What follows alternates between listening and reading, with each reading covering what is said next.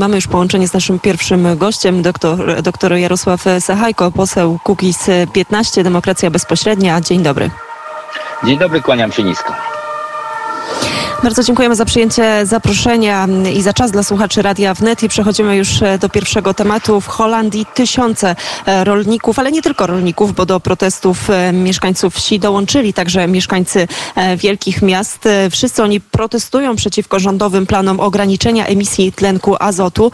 Mówi się już głośno o tym, że ta sprawa ma drugie, a być może i nawet trzecie dno. Mm, co, panie pośle, pan myśli o sytuacji hodowców bydła, o sytuacji sytuacji rolników w Holandii?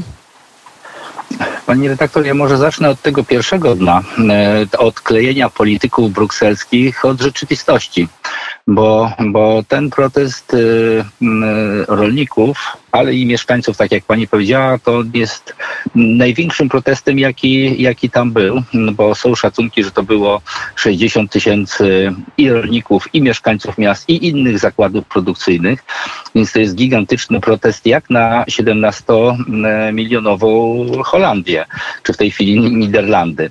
Więc protest jest gigantyczny, a on jest spowodowany, spowodowany tym, że e, rząd holenderski może za namową właśnie pana Timmermansa chce pokazać, że można zrobić jeszcze większe ograniczenia w produkcji rolnej, bo pamiętamy ten plan Fit for 55, czyli ograniczenia 50%, a rząd holenderski poszedł krok dalej i mówi, że ograniczenia mają być 70%.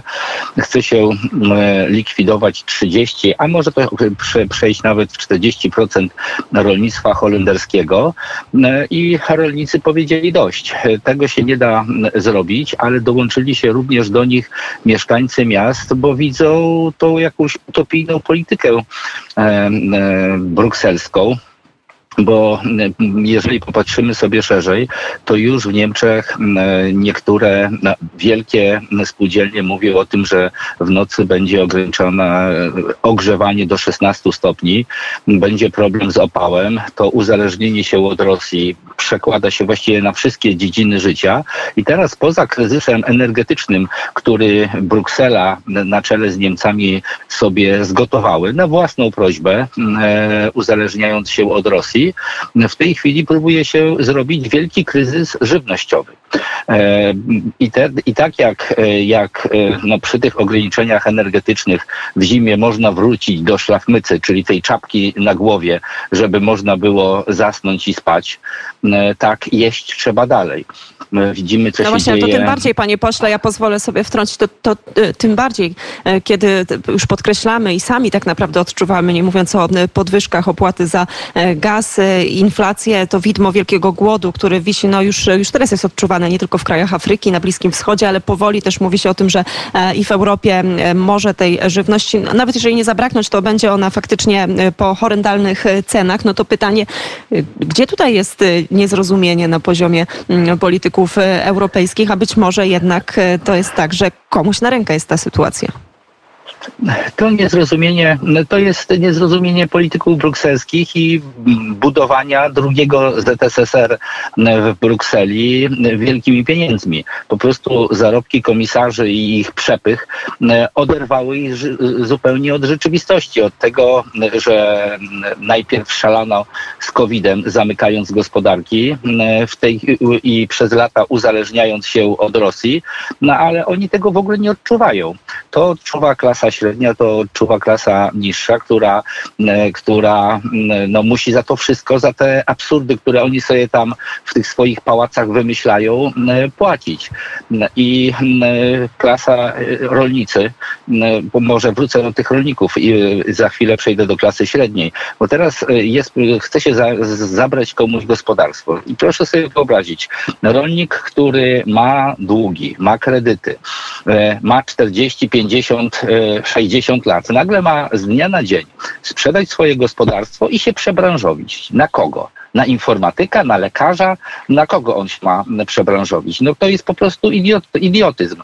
A jednocześnie no, w Europie nie będzie głodu, ale żywność będzie horrendalnie droga. I teraz przy, tych, przy tej inflacji, która została wywołana tymi również polityką Unii Europejskiej, bo tych przyczyn y, inflacji jest kilka i jedna z nich to jest właśnie te, ta, to, to, te opłaty, ten parapodatek, bardzo duży podatek y, za emisję CO2 bo mielibyśmy o 30% tańszą energię, mm, gdyby tego podatku nie było. No ale jednocześnie wystrzeliły w górę ceny gazu i ceny ropy.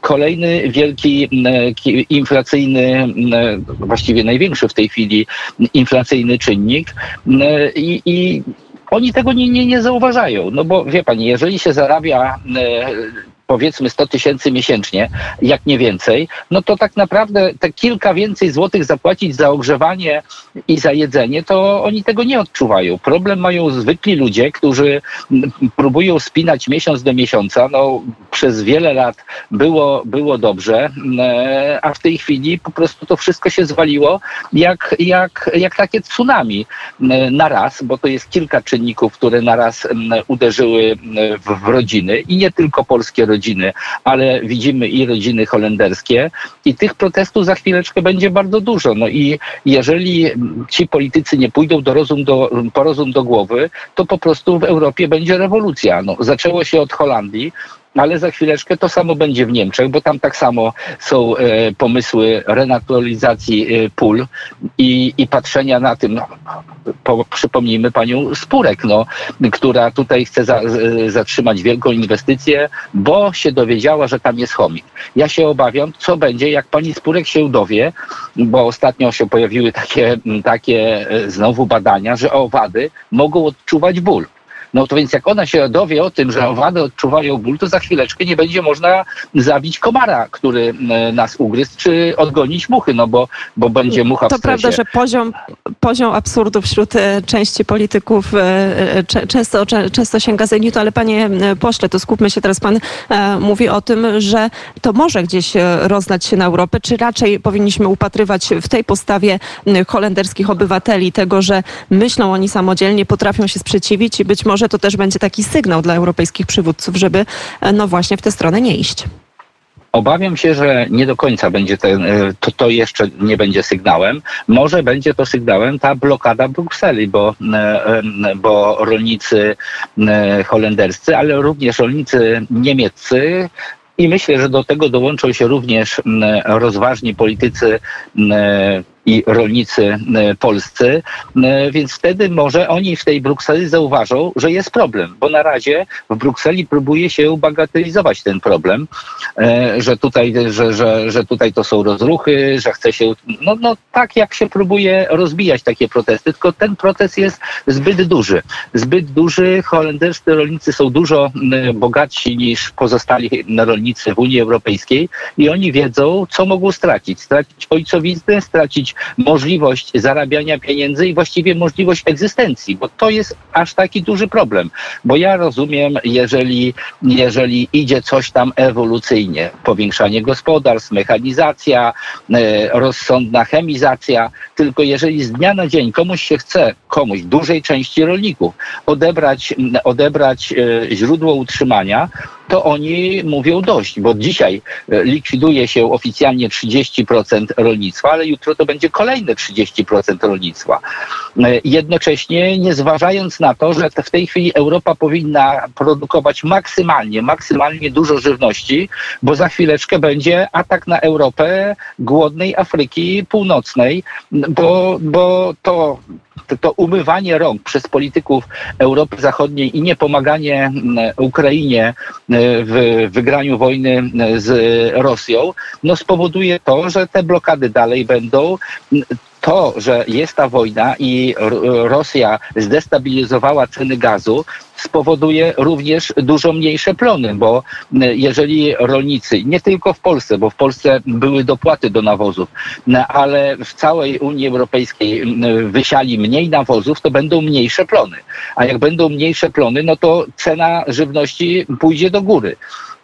Więc my tej żywności powinniśmy w tej chwili produkować maksymalnie, żeby wyżywić pozostałą część świata, przynajmniej tego najbliższego, gdzie, gdzie tej żywności nie będzie.